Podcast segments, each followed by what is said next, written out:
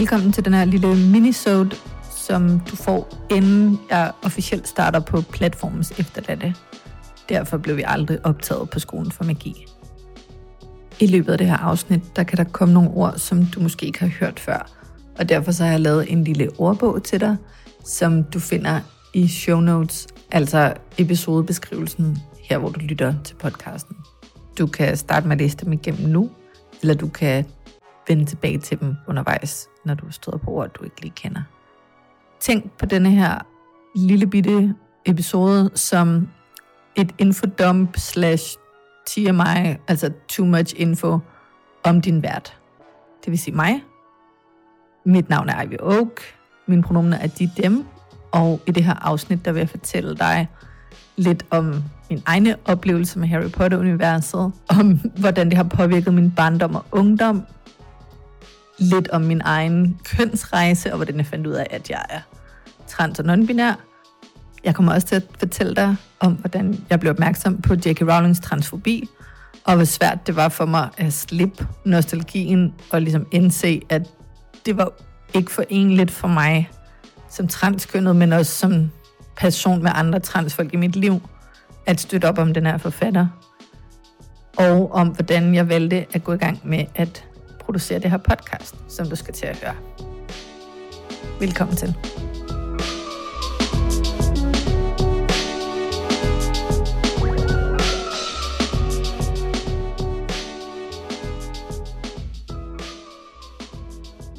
Jeg var sådan et barn, der altid søgte nye fortællinger at forsvinde ind i. Jeg brugte meget tid på skolens bibliotek, og hvis vi absolut skulle være ude i frikvartererne, så sad jeg som regel på en bænk og læste, eller også var jeg selv i gang med at skrive en historie. Da jeg gik i 4. eller måske 5. klasse, tog vores klasselærer en bog op af tasken.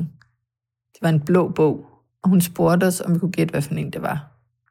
Jeg gættede på, at det var Kærlighed ved første hik. Den havde jeg lige læst, og håbede virkelig, at det var en anden. Det var det heldigvis. Det var Harry Potter og de vise sten. Min lærer læste de første to kapitler højt, imens vi spiste frokost den dag. I frikvarteret susede jeg ned i kælderen til skolebibliotekaren, som jeg holdt rigtig meget af. Jeg fik Harry Potter og de vise sten med hjem, og da vi fik læst højt i bogen næste gang, havde jeg allerede læst den færdig.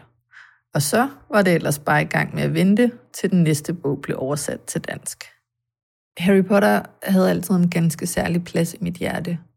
Blandt andet fordi den blev indgangen til flere nørdede universer og genrer. Dengang der havde jeg to spejderledere, som var 3-4 år ældre end mig. Den ene var kæmpe Star Wars-fan, og den anden var vild med Ringenes Herre.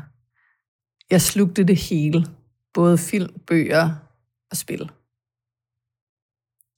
På grund af min alder, da den første bog udkom på dansk, så har jeg fulgtes med Harry nærmest nøjagtigt i alder hver eneste gang en ny bog kom i butikkerne.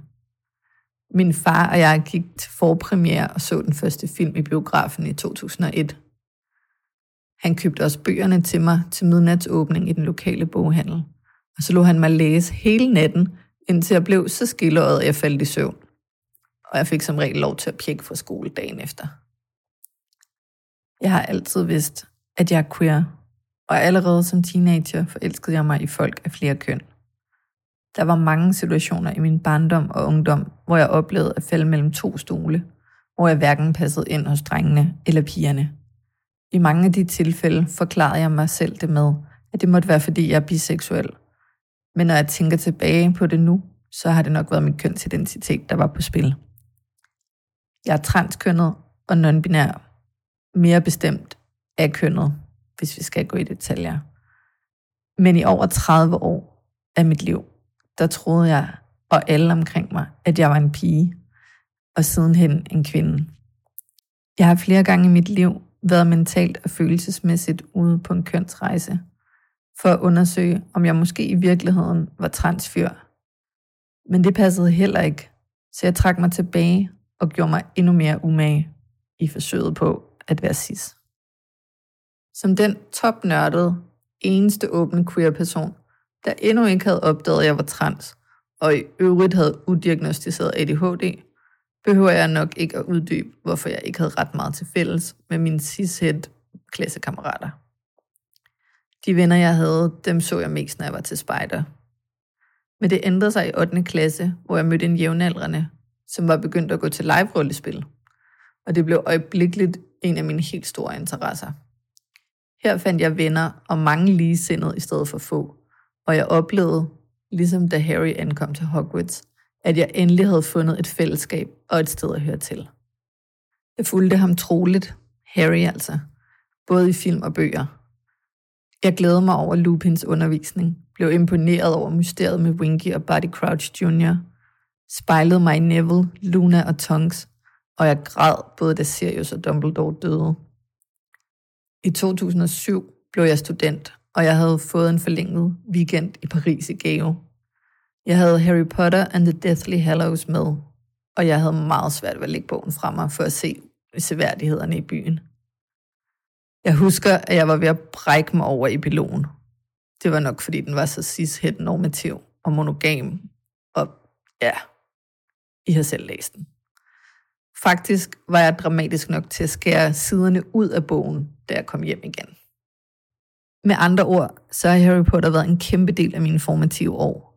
Og jeg har læst og genlæst bøgerne så mange gange, at jeg nogle gange tænker på, hvad jeg måtte kunne være blevet til, hvis min hjernes harddisk ikke havde været så fuld af Hogwarts lore og detaljer om de enkelte personer og plotlines. Men hvordan kan det så være, at du sidder her nu og lytter til et podcast, hvor jeg har tænkt mig at fortælle dig om de problematiske aspekter i universet, og om forfatterens egen damnation arc.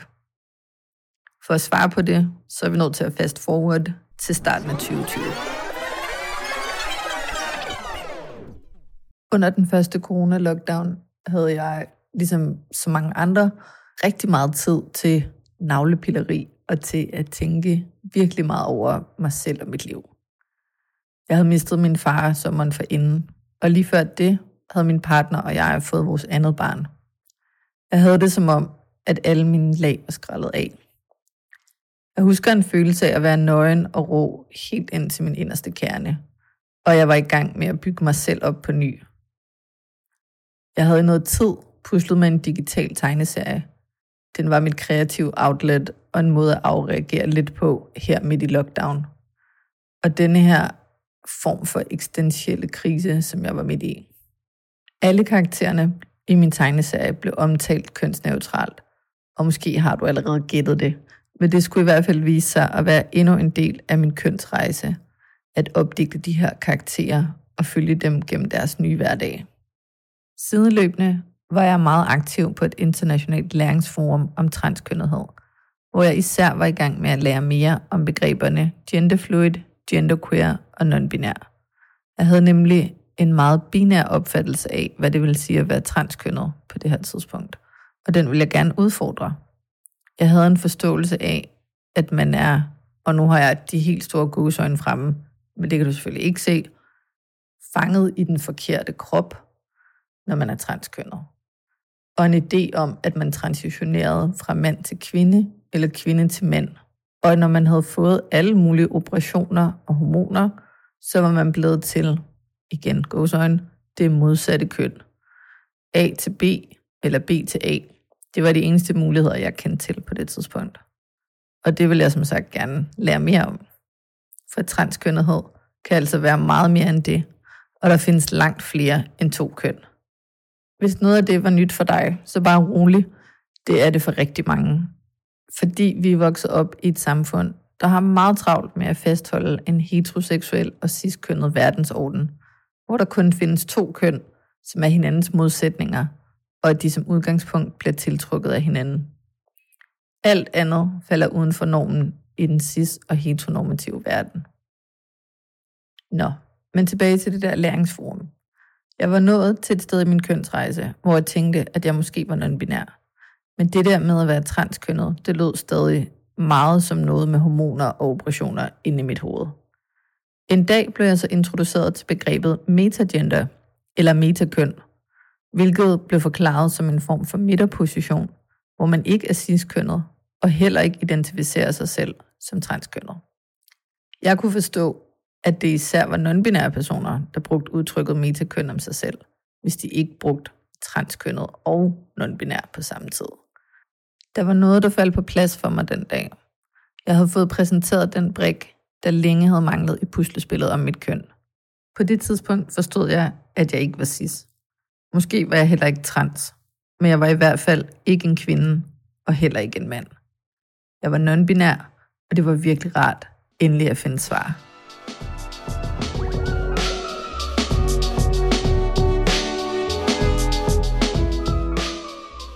Nu sidder du måske og tænker, ja ja, det er da meget fint, vi lige får din livshistorie og alt det, men kunne du ikke komme tilbage på sporet?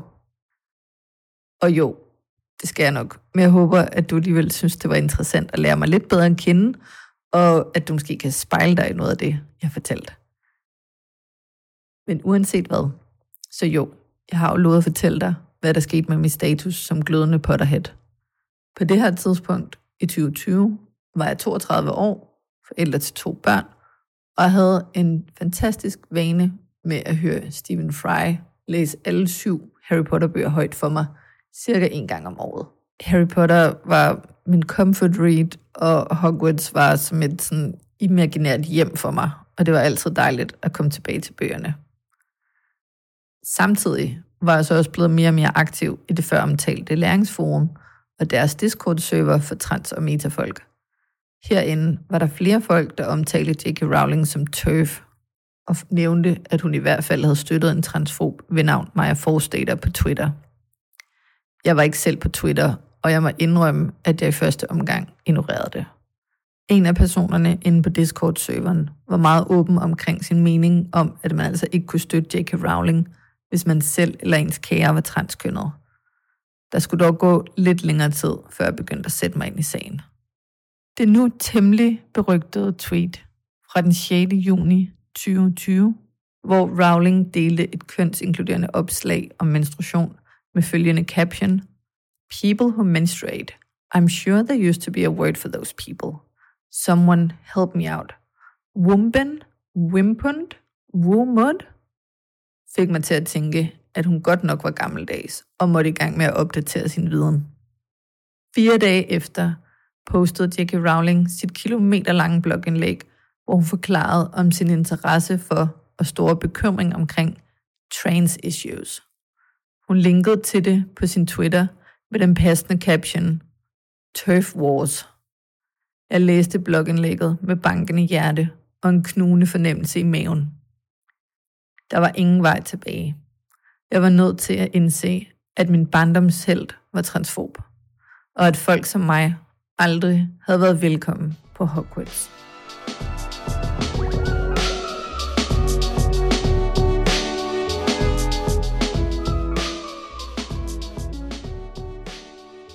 Og nu er vi så her, over tre år senere, med dig, der lytter til en minisode af mit podcast platforms efterladte.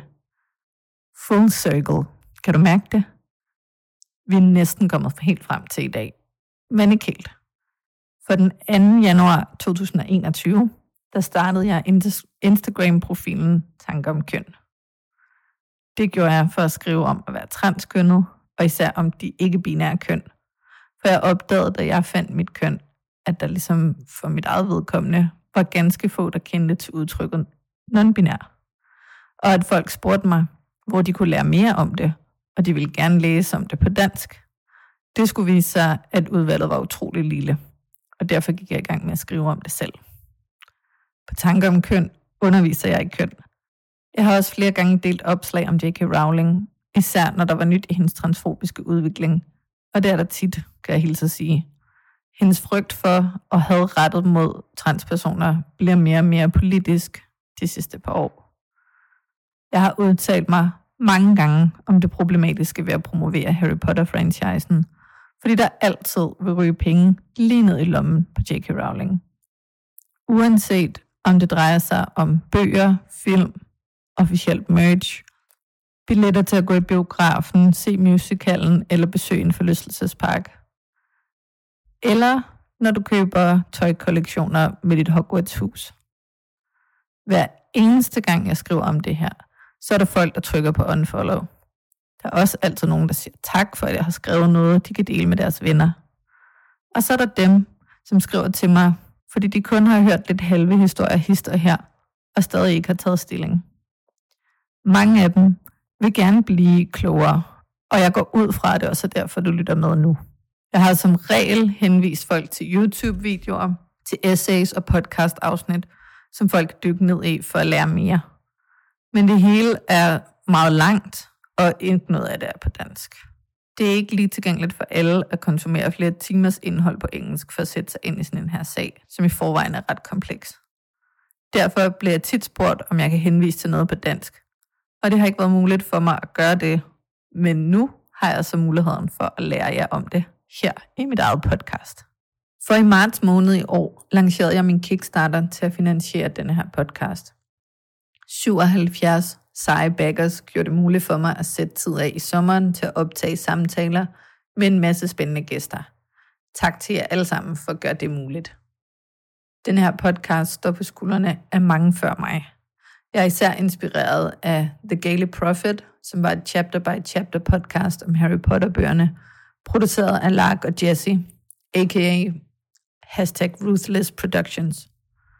Og jeg ved, at de to var inspireret af Marcel og Hannah i programmet Oh Witch Please, hvis podcast jeg har lyttet til efterfølgende. Det er mig selv, der producerer platformens efterladte, hvilket jeg ikke har prøvet før, så jeg håber, I vil bære over med mig, imens jeg øver mig i at producere lyd. Heldigvis så får jeg også hjælp af en masse kreative folk, der har bidraget med deres tid. James Aiden har tegnet den smukke illustration, som du kan se i podcastens artwork. Soluna Julius står bag ideen til podcastens navn. Alexandra Syberg har produceret jinglen og hjælper mig med lyddesign og at mixe de enkelte afsnit. Cybernauterne har været så søde at låne mig deres lydstudie til en masse af de her optagelser. Så her der skal der lyde en særlig tak til alle jer, som har bidraget med jeres tid, både med kreative processer og som mine gæster i lydstudiet, og til jer, der har bidraget økonomisk, og til dig, der lytter med nu. I har alle sammen været med til at gøre den her podcast til virkelighed, og jeg glæder mig simpelthen så meget til at komme i gang. Tak for jer.